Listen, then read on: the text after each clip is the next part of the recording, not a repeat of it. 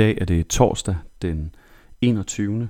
september, og jeg læser for dig fra Hebræerbrevet kapitel 6, vers 1 til vers 12. Derfor vil vi nu lade begynde undervisningen om Kristus ligge og gå videre til undervisning for voksne, og ikke en gang til lægge grunden med omvendelse fra døde gerninger og tro på Gud, men lære om dåb og håndspålæggelse om dødes opstandelse og evig dom. Ja, det vil vi gøre, der som Gud giver lov. For det er umuligt at føre dem til ny omvendelse, som engang er blevet oplyst og har smagt den himmelske gave. Dem, som har fået Helligånden og smagt Guds gode ord og den kommende verdens kræfter, og som så falder fra. For de korsfester selv Guds søn igen og gør ham til spot. For når en mark drikker den regn, der falder på den i rigelig mængde og giver afgrød til gavn for dem, der dyrkes for, så fik den velsignelse fra Gud. Men bærer den tjørn og tisler, er den intet værd og truet af forbandelse, og det vil ende med, at man afbrænder den. Vi er dog overbevist om, at det står bedre til med jer, I kære, og at frelsen venter jer, selvom vi taler, som vi gør. For Gud er ikke uretfærdig. Han glemmer ikke jeres arbejde, og den, han glemmer, øh, så han glemmer jeres arbejde og den kærlighed, som I har vist hans navn, ved at I har tjent og stadig tjener de hellige. Men vi ønsker, at hver eneste af jer til det sidste Bevis den samme iver efter den rigdom, som håbet rummer, så I ikke bliver sløve, men efterligner dem, som ved tro og tålmodighed arver det, som Gud har lovet. Amen. Vi vil lade begynderundervisningen ligge, siger Paulus. En provokerende sætning måske. Er det ikke barnetroen, der frelser?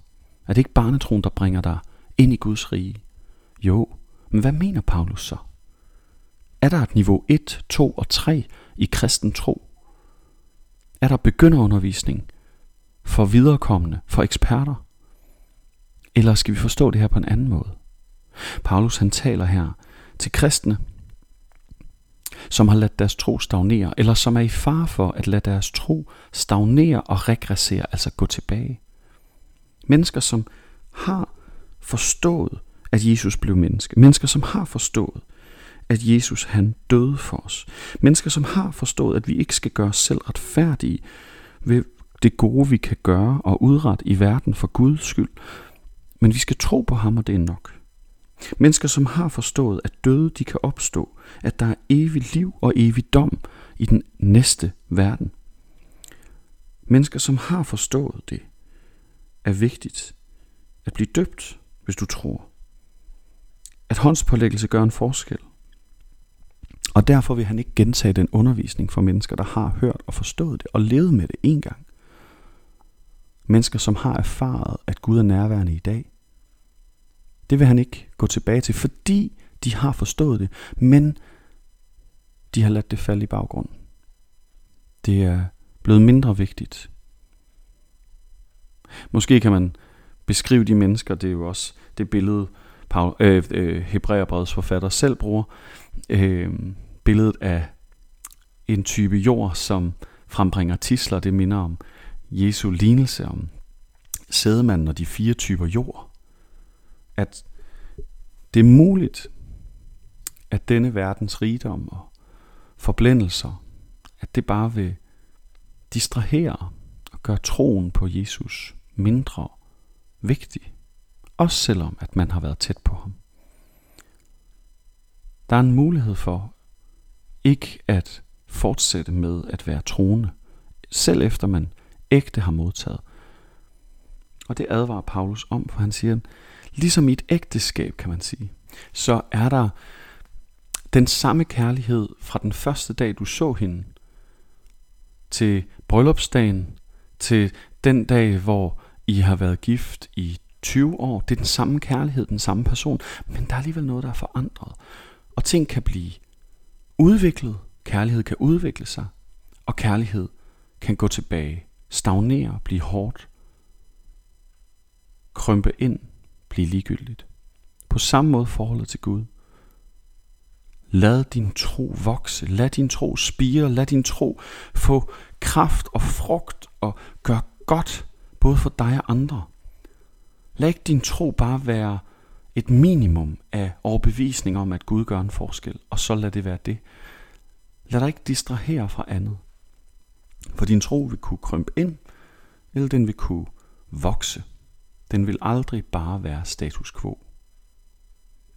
Paulus han taler med meget store ord her, og han beder folk om at have den samme iver efter den rigdom, som håbet rummer, så man ikke bliver sløv. At have iver efter at forstå mere, at blive ved med at være sulten, fuldstændig som i det gode ægteskab, hvor man bliver ved med at være dedikeret til at være tæt, dedikeret til at forstå den anden, dedikeret til at leve sammen, dedikeret til at elske og ære i medgang og modgang. Og det er meget det samme med Gud. De trosforhold kan enten stagnere og regressere, eller det kan udvikle sig. Og Paulus' advarsel er, at udviklingen, den er vigtig for at forblive troende på den lange bane. Så i dag, lad os spørge os selv, har vi andre ting, som vi hellere vil nærme os, hellere vil lytte til, hellere vil være intenst fokuseret på end Jesus? Og måske skal vi bede Gud om at træde frem for os, at blive stor for os, at Helligåndens kraft må komme og overbevise os og sende os i en god retning.